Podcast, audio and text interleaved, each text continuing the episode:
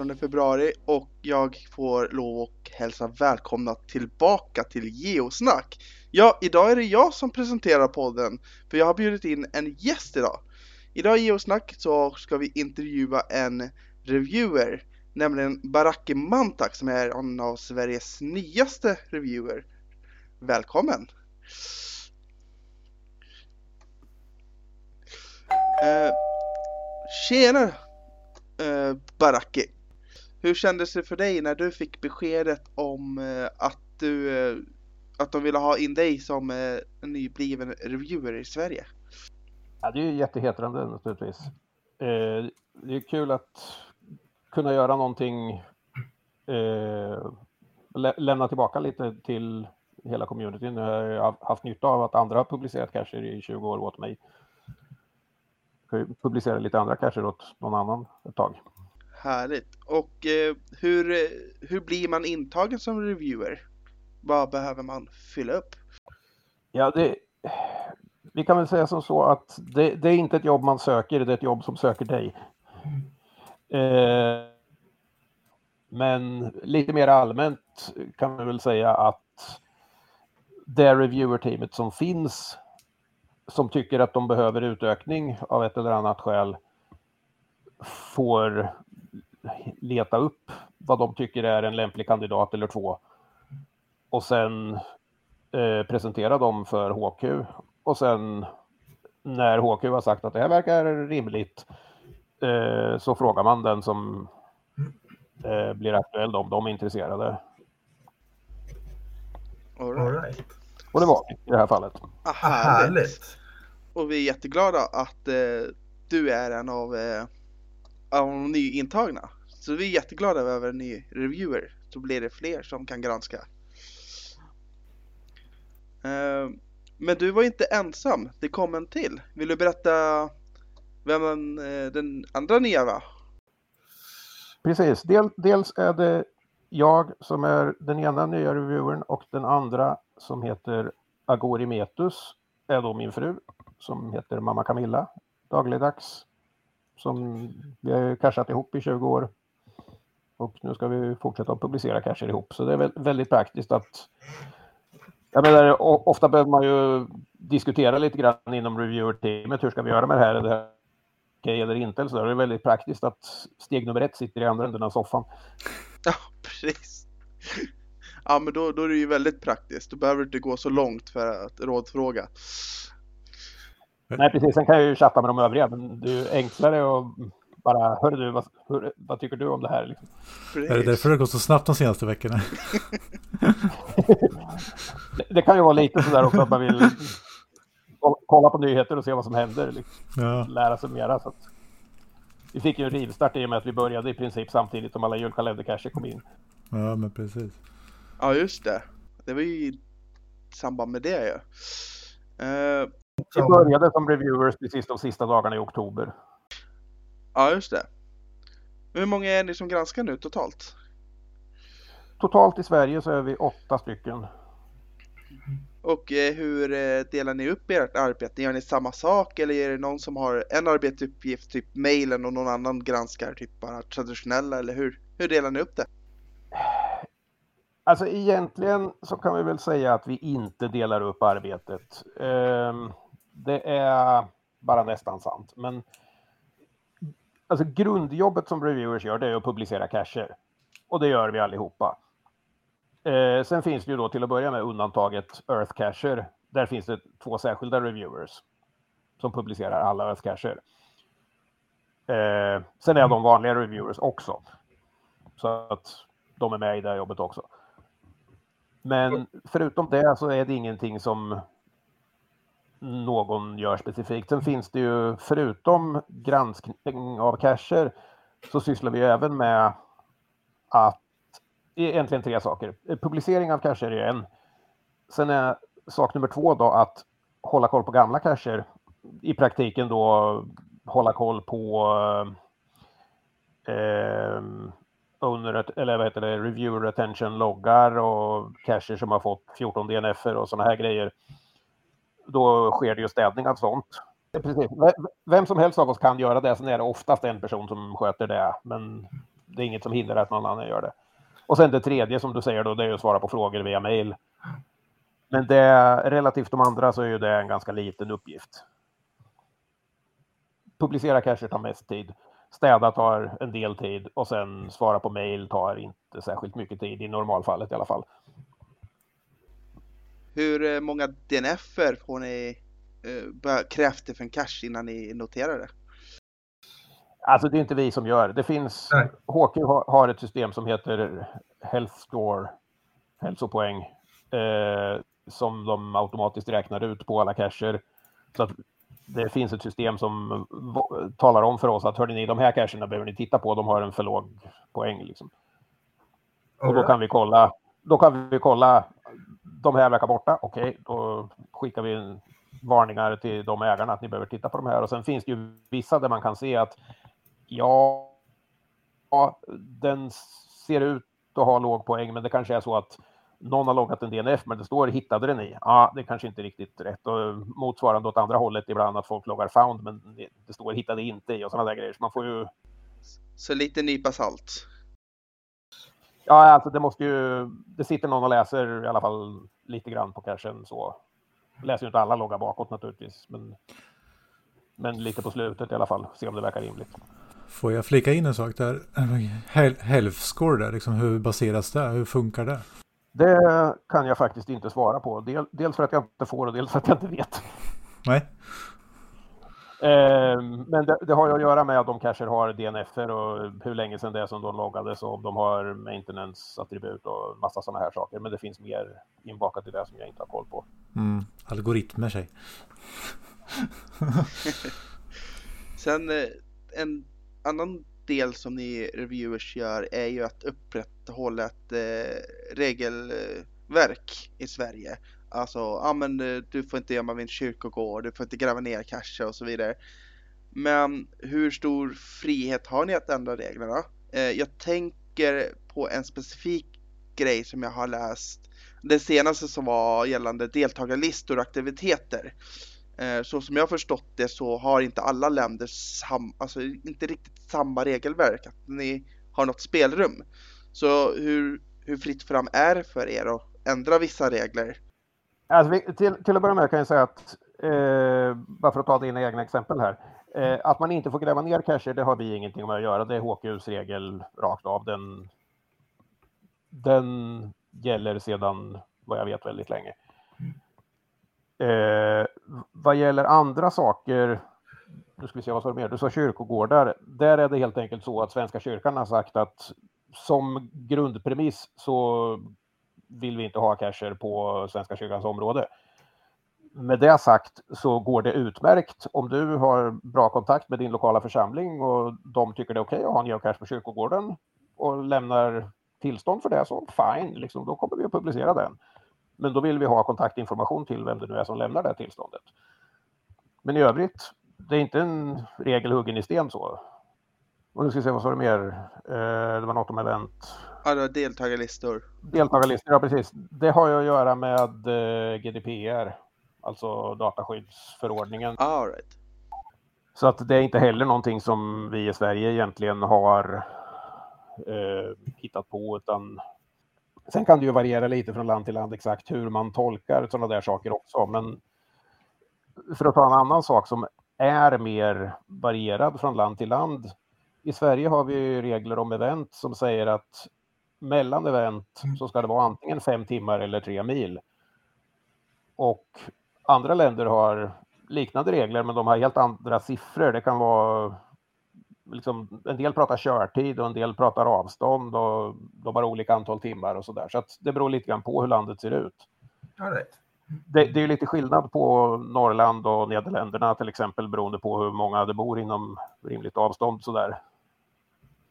Så att man kan ju behöva anpassa. Det vet jag att en del amerikanska reviewers gör stor skillnad på om eventet ligger i en storstad eller om det ligger i utmarken långt ute på vischan så kanske det inte är så nära. Liksom en timmes körtid är väldigt stor skillnad om du är inne i en stad eller om du är ute på landsbygden. Ja, precis. Så att där finns det rätt stor variation på pappret i alla fall om hur riktlinjerna ser ut. Så, och det, fin det finns andra sådana där områden där vi har lite spelrum att tolka regler, det gör det ju, men i huvudsak så är ju de riktlinjer vi granskar efter är ju de som HQ har eh, satt. Och de utvecklas ju lite över tiden, så är det ju. Mm. Och de utvecklas ju lite över tiden också utifrån input från reviewer-teamen i alla olika länder. Så är det ju också. Så jag menar om vi, svenska reviewer-teamet säger att vi tycker att den här regeln inte funkar för att någonting och diverse andra reviewers från andra länder säger mer eller mindre samma sak, då kommer ju HQ att fundera på det, att nah, vi kanske skulle göra annorlunda här. Eller så säger de att ja, tyvärr på grund av eh, lag si och så så kan vi inte göra någonting och då är det ju bara att finna sig i det. Men i slutändan är det ju reviewers som granskar och inte HQ trots allt. Så det är ju vi som har direktkontakten med, med verkligheten så att säga. Ja men precis. Eh, men eh, när ni granskar cash och så här, använder ni några specifika verktyg, alltså typ eh, Lantmäteriets kartor, Trafikverkets brokartor och så vidare för att ta reda på att den kanske ligger lämpligt till? Alltså vi använder ju i huvudsak ett system som HQ tillhandahåller och som är hemligt så att det kan, kan jag liksom inte prata om. Men visst, vi använder satellitbilder som alla andra, det, så är det ju. Det är ju ingen hemlighet. Jag menar, om, om du skickar in en cache och jag tycker att den ser ut att ligga väldigt nära någon gräns mellan två områden så där som verkar lite konstigt, då kommer jag ju plocka upp Street View och kolla liksom, hur ser det ut här egentligen? Om du, om du skickar in en cache som ligger nära en järnväg, då kommer jag ju ligger nära en järnväg på kartan, då kommer jag att plocka upp Street View och kolla, liksom, finns det ett staket här? Okay. Det påverkar ju om jag kommer att publicera den eller inte. Är du 10 meter från järnvägen och det finns ett gallerstaket där, då tycker jag att eh, då är det väl okej okay då. Om det däremot är mitt ute på landsbygden och det inte finns ett gallerstaket, då kommer jag inte att tycka att det är okej okay med 10 meter. Nej, nej men precis. Uh, men det, det, har ju att göra med att man inte får gå på järnvägen för då blir Banverket ledset istället och det vill vi inte ha. Eller olyckor. Ja men precis. Och det är inte bra för någon. Men är det staket i vägen då är det en helt annan sak. Mm. Kan, eh, någon, kan någon utländsk reviewer granska och godkänna svenska cacher? Eller tvärtom? Kan, absolut. Eh, jag kommer åt alla cacher i hela världen. Eh, mitt verktyg som jag använder är normalt sett inställt på att visa cacher i Sverige. Men det är inget som hindrar att jag ställer om det till Brasilien. Liksom. Ja, det. det. funkar.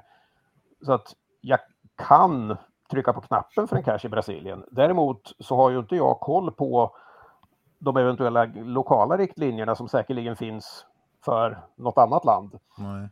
Och jag kan eventuellt då inte heller läsa deras lokala wiki eftersom den är skriven på portugisiska eller någonting sånt där. Då. Och då sitter jag ju lite fast.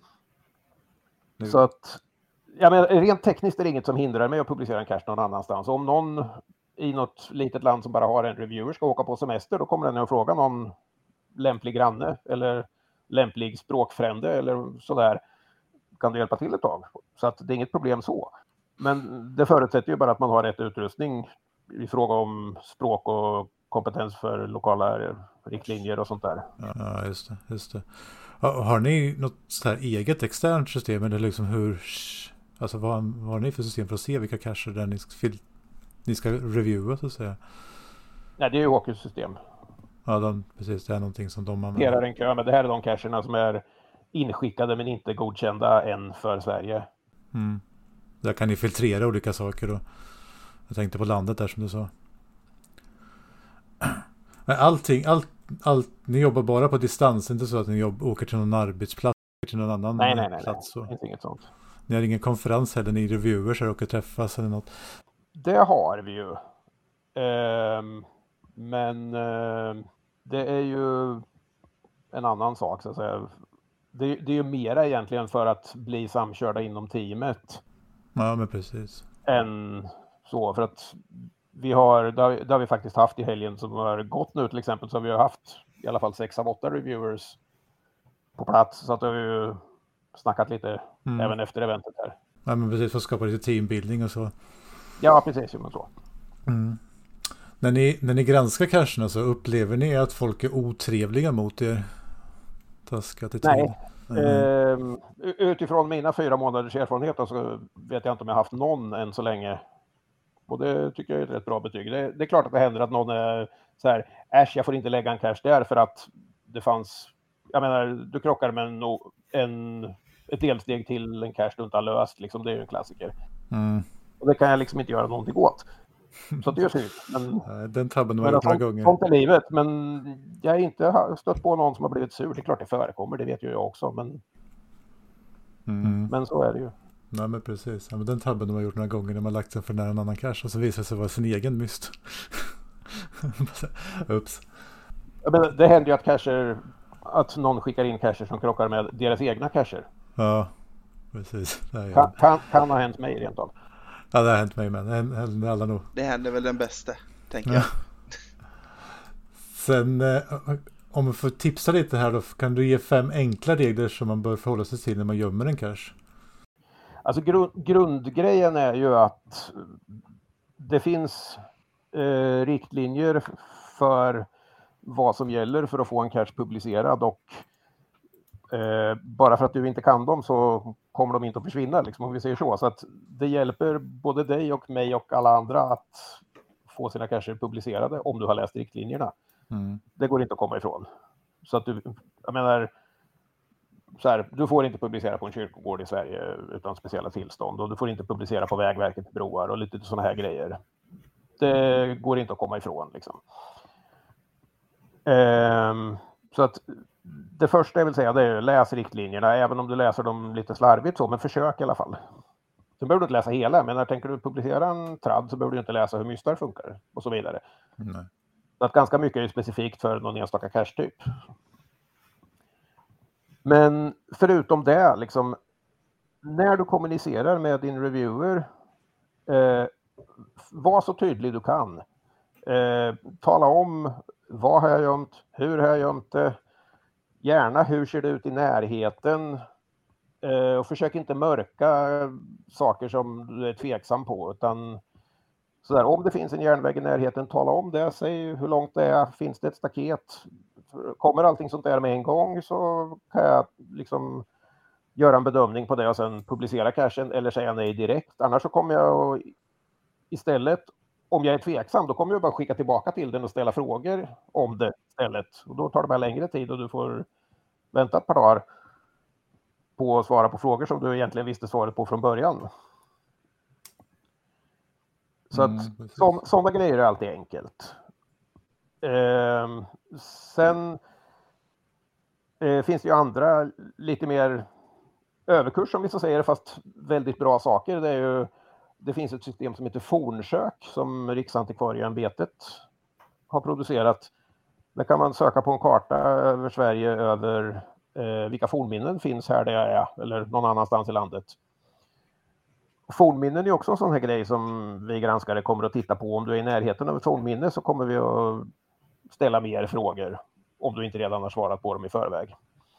Och då beror det ju rätt mycket på vad fornminnet är. Fornminnet, alla fornminnen dyker upp på kartan, men ett fornminne kan, fornminne kan vara allt ifrån ett gravröse, stor stenhög eller någonting sånt, till eh, här har vi en gång i tiden hittat en stenyxa, men den har vi tagit med oss till museet, så att egentligen finns det inget här. Eller sådana där grejer. Det kan vara, här finns det en gravhög, men den är täckt av gräs, så att ja, man ser att den finns där, men den tar ju inte skada av att korsorna går där. Liksom. Men eh, väldigt ofta så är fornminnen av typen, här är ett gravfältsområde, 200 gånger 200 meter, och på det så finns det 48 gravrösen sprinklade över området. Och då, som granskare, så kommer jag att tycka då att det kommer att vara okej att publicera den här cachen om du är 20-30 meter ifrån alla de här gravrösena eller om du är jävligt tydlig med att ja, min cache hänger fyra meter upp i ett träd och inte precis där det är ett röse utan trädet står emellan. Så här, då kan det väl vara okej då. Då kommer man inte att trampa runt i några rösen och leta där. En liten note. Mikrofonen slutade fungera och därför så pratar vi om lite annat. Vi kan väl eh, prata lite om varför vi bjöd in en reviewer då. Ja, Ja, eh, mitt syfte med att bjuda in en reviewer i alla fall var ju att eh, sprida kunskap och eh, kanske få reda på eh, mer om hur deras arbete funkar så att jag som cacheägare kanske får mer förståelse för deras arbete eh, och kanske i fortsättningen kanske kan eh, förenkla granskningsprocessen. Både så att cacherna publiceras snabbare och för att deras arbete ska bli lättare. Helt enkelt. Precis. Mm. Och sen har vi väl haft en viss, ett visst önskemål om att ha reviewers också. Vi fick mail och jag vet någon av er hade fått på Facebook också. Precis. Ja, men det, de, de har ju en stor del av våra geocachande liksom. Men om man summerar lite av det han säger så är liksom så här, ju mer information de kan ge till, ju mer information man kan ge till dem, desto snabbare och lättare går det att granska en cache. För oftast brukar man, vill man ju gärna få ut sin nya cache ganska snabbt för att, i väntan på att någon ska komma och logga den. Jag har ju sett ganska många frå frågor under året om att så här, hur lång tid tar det att skicka in en cache eller få den granskad? Kommer den snart? Det är ofta... Och svaret på, på, på den är oftast sju dagar. Ja, exakt. Då ska vi se. Ny, nya lurar och ny browser. Eh, ju tydligare du är från början, desto lättare är det att vi kan trycka ut din cache direkt istället för att gå två varv extra med frågor till dig. Ja, precis. Så Och vad jag hade tänkt att säga när jag försvann var att om man som cacheägare försöker sig på att mörka någonting, typ att det här är på tomtmark och för- försöker säga att det inte är det eller att du är mitt i ett fornminne som du inte får fast du talar inte om det eller sådär. Förr eller senare så kommer ju någon att upptäcka det här och rapportera det och i det läget så kan det gå så att du får din cache tvångsarkiverad och låst istället och det är ju Mm. inte roligt heller. Då är det bättre att du publicerar den 30 meter bort. Mm. Nej men så är det ju. Och det är liksom, det är bara att fråga er egentligen så får man ju ofta svar om det är någonting som är oklart. Ja, ja. Jag menar, vi sitter ju här för att vi vill publicera dina cacher. Det är ju inte så att vi vill sitta här och vara i vägen. Nej, eller jävlas eh, om, om, eh, om man får en logg från någon av er, utav er och, och, om att man behöver se över sin cash, hur lång tid har man på sig att se över den? Och vad händer om man inte gör det då? Till att börja med kan jag säga att svaret på det står i loggen du får. Eh, men i normalfallet så är det en månad, eller om det står 30 dagar tror jag, men i alla fall som du har på dig att göra någonting. Eh, och efter det så kommer din cash att arkiveras. Men om det är så att du, du inaktiverar din cache för att någon har smält upp ett byggstaket runt där du har gömt din cache till exempel, det, sånt händer ju. Mm. Been there, done that. Eh, då är det ju inte som att du har makt över att ta bort det där staketet. Utan vad du har makt över, det är ju att uppdatera, att skicka en ny note på din cache var tredje vecka eller någonting sånt där, där du säger ja, det här byggstaketet är kvar, så cachen går inte att komma åt och just nu så finns det ingen skylt som talar om när de är färdiga, de är färdiga i september eller vad det nu står liksom. Mm.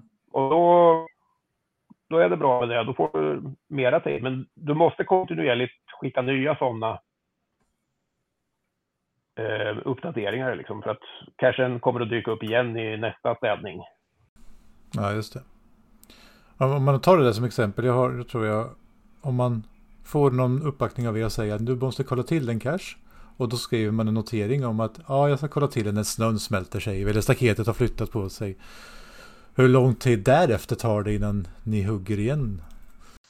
Ja, det är väl ungefär en månad igen här för mig. Ja. För det är som, som, som du säger, man har inte kontroll över både snön eller staketet. Nej, precis. Har du lagt cachen på en ö och det är lite halvtatt is så där så är det ju inte läge att gå dit. Liksom, så är det ju. Nej. Eh, varför vill ni veta hur en cache ser ut eller vad det är för behållare? Därför att det finns vissa saker som inte är tillåtet. eh, Eller vissa saker som är mindre lämpligt. Eh, Som vi redan har nämnt, du får inte gräva ner din cache. Vi vill inte ha cacher i glas och diverse andra sådana här saker. Mm. Vi vill inte ha cacher som ser ut som bomber av uppenbara skäl. Nej. Den, den har man ju varit med om på gånger tänkte jag men när man läste om i nyheterna. Ja, alltså jag har loggat en cache själv som såg ut som en dynamitgubbe. Så här, liksom. Det kanske inte var världens bästa idé. Liksom. Låg under bro eller? Nej, den låg granne med skatteskrapan i Stockholm där det har varit en sprängning som kanske handlade om. Ja, det Där, var de var ju tema riktigt och bra, men det var, det var många år sedan så att mm. det var en annan tid. Men Hade det varit idag så hade det inte varit så uppskattat. hade det varit idag så hade inte jag publicerat den i alla fall. Uh, apropå konstiga behållare då. Behöver ni veta lösningen på en myst? Ja, numera behöver vi veta lösningen på en myst. Det är relativt ny regel, men vi vill veta lösningen. Dels hur man ska lösa. Ehm, det behöver inte vara liksom exakt alla detaljer, men det ska vara av typen först ska du lösa det här kryptot och sen siffrorna du tar där ska du vända baklänges och sen ska du lösa det andra kryptot som du får där och sen får du ut koordinater, liksom någonting på den nivån. Liksom. Ehm, och i den mån du får ut ett svar som inte är slutkoordinaterna, det vill säga du får ut ett ord som du ska bata in i Certitude eller så, då vill vi ha reda på det exakta svaret så att vi kan faktiskt köra Certitude och se. För att du, där får man ju också meddelanden. Eh, grattis, du har, du har svarat rätt. Liksom. Där kan man ju ha en massa meddelanden och de vill vi kunna läsa. Sen finns, det, sen finns det också vissa typer av mystar som inte är tillåtna, så det är en annan anledning till att vi vill granska sådana saker. Och jag, jag kan också passa på att säga, medan jag ändå pratar, att när vi pratar om en myst här, då menar jag i praktiken alla cacher som har ett mystelement, det vill säga mystar, många letterboxar, enstaka where I goes, en del typer av multis och så vidare. Vilken typ av dem är svårast att granska? Vilken typ av cacher överhuvudtaget, tänker du? Eller? Ja, precis. Alltså jag skulle inte säga att någon enstaka typ är svår, utan det handlar mer om att ju mer rörliga delar det är, desto bökigare blir det ju. Om vi säger att du gör en multi med tio steg, varav hälften är virtuella och hälften är fysiska och sen lite diverse, liksom ett par olika checkers och så här, då är det mycket som ska stämma. Va? Så mycket som ska kollas. Som ska bli rätt. Om det är fel typ av waypoint, till exempel att man gör alla, alla waypointarna fysiska. Så där, det innebär ju att du blockar en massa områden som du egentligen inte behöver blocka. Då är det någon annan som inte kan lägga ut cacher sen. Men sen är det ju också, jag menar, vissa typer av cacher är ju mer inbyggt mer pro problem, men liksom mer att tänka på. Typ en challenge är svårare att granska än en traditional, så är det ju. Okej, skulle vi kunna tidsstyra släpp av cacher? Absolut. Eh, vi pratade ju om julkalender förut, så att till, till julkalendrar så tidsstyr vi ju typiskt. Vi granskar cashen när den kommer in och sen tidsstyr vi den till 7 december eller vilken lucka det nu var. Liksom. Så att det är helt okej att be om tidsstyrning till en cash. Och då kan jag säga att det finns två saker att tänka på. Det, det ena är att vi kan bara tidsstyra till jämna halvtimmar. Så du kan inte få den kvart över tre, liksom, utan antingen är det tre eller så är det halv fyra. Men... Och när du, tidsstyr en, eller när du ber om tidsstyrning för en cash så vill vi ha någon form av anledning till varför. För det är, det är lite extra pill från vår sida. Så att vi vill ha någon form av motivering. Om det sen är det här är en julkalender eller det här är en födelsedagspresent eller det här är liksom till det här eventet eller någonting sånt där. Det är helt okej skäl allihopa. Men bara för att jag känner för det och jag vill titta på SDF-arna är inte ett okej skäl. Och när vi ändå pratar om eh, att styra cachar, eh, kan man boka en koordinat? Det kan du absolut göra. Eh, det innebär att vad du gör det är att du skickar in, du skapar en cache-sida och så skickar du in den för granskning. Och sen, den behöver egentligen inte innehålla någonting mer än de koordinater du vill boka och en granskningsanteckning där det tydligt står att obs, den här ska inte publiceras utan jag vill bara boka koordinaterna. Om det är en multi då som har flera steg, flera fysiska steg, då behöver du ha waypoints för alla dem naturligtvis. Eh, och då granskar vi att det inte är en krock på någon av dem där. Och sen så bokar vi dem i åtta veckor. Att om någon annan kommer och vill publicera någonting som krockar med de där, då kommer vi att neka beroende på att du har en tidigare bokning. Och om det skulle råka vara så att ah, jag har inte riktigt hunnit färdigt, jag har beställt en pryl och den har inte kommit, liksom, då kan du få lite extra tid, det går att ordna. Men normalfallet är åtta veckor. Vart, om jag då ska placera min cache som jag dels ska boka en koordinat och så ska jag ha den tidsstyrd. Var får jag inte placera den? Det finns ju massor med ställen du inte får placera cacher, så är det ju. Eh, grundregeln är ju att du får inte placera den 160 meter, 161 meter ifrån alla andra cacher. Eh, och det är ju lite ditt problem att hålla reda på. Men sen som vi har varit inne lite halvt om halvt på då, fornminnen är inte nödvändigtvis nej, men det är i alla fall en bedömningsfråga var de är. Järnvägar får man se sig för lite. Eh, Vägverkets, alltså stat, broar som staten äger får du inte vara på. Du får inte vara på skolgårdar, du får inte vara på skyddsområden, militära. Eh, du får normalt sett inte vara på kyrkogårdar om du inte har pratat ställt med församlingen i fråga. Och diverse sådana här saker. Jag har ingen komplett lista, men det där är i alla fall ett axplock av ställen där du inte ska gömma din cash. Okej. Okay. Granskar ni labbcacherna också? Nej, vi granskar bonusen, men vi granskar inte labbcacher. Finns det någon som granskar dem, eller de bara ligger där? Nej, de bara ligger där.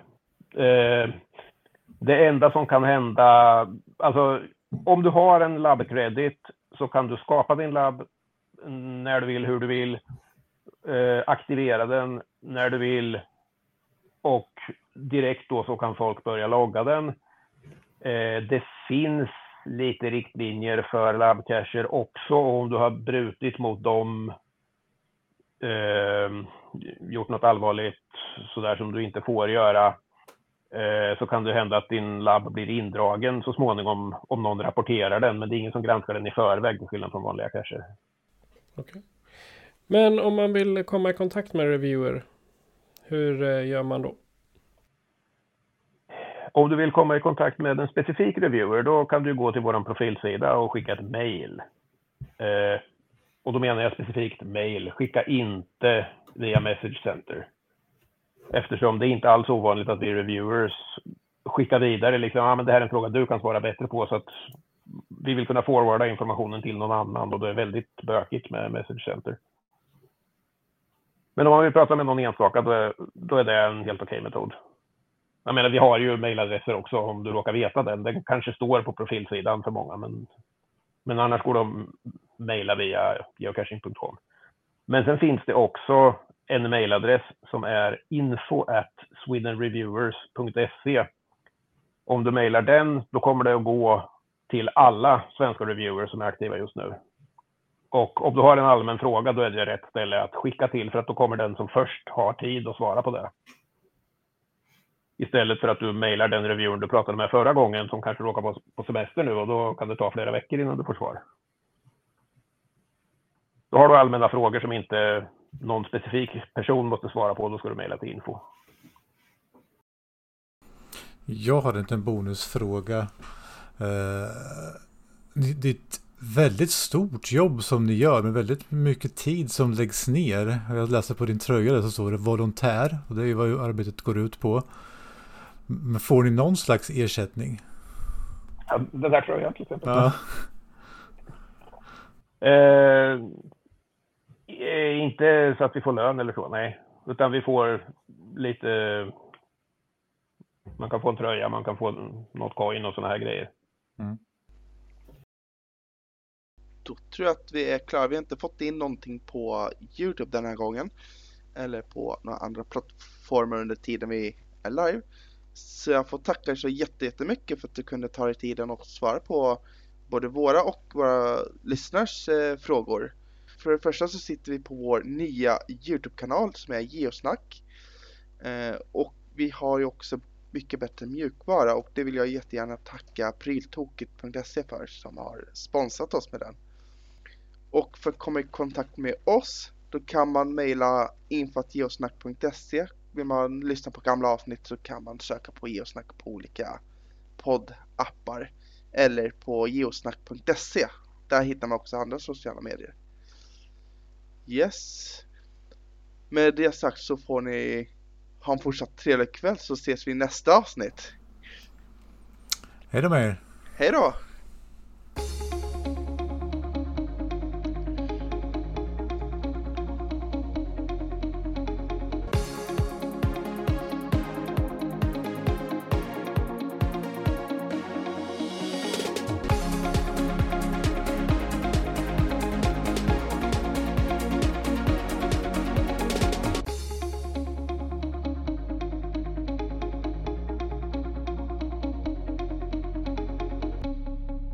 Geosnack presenteras av pryltokigt.se.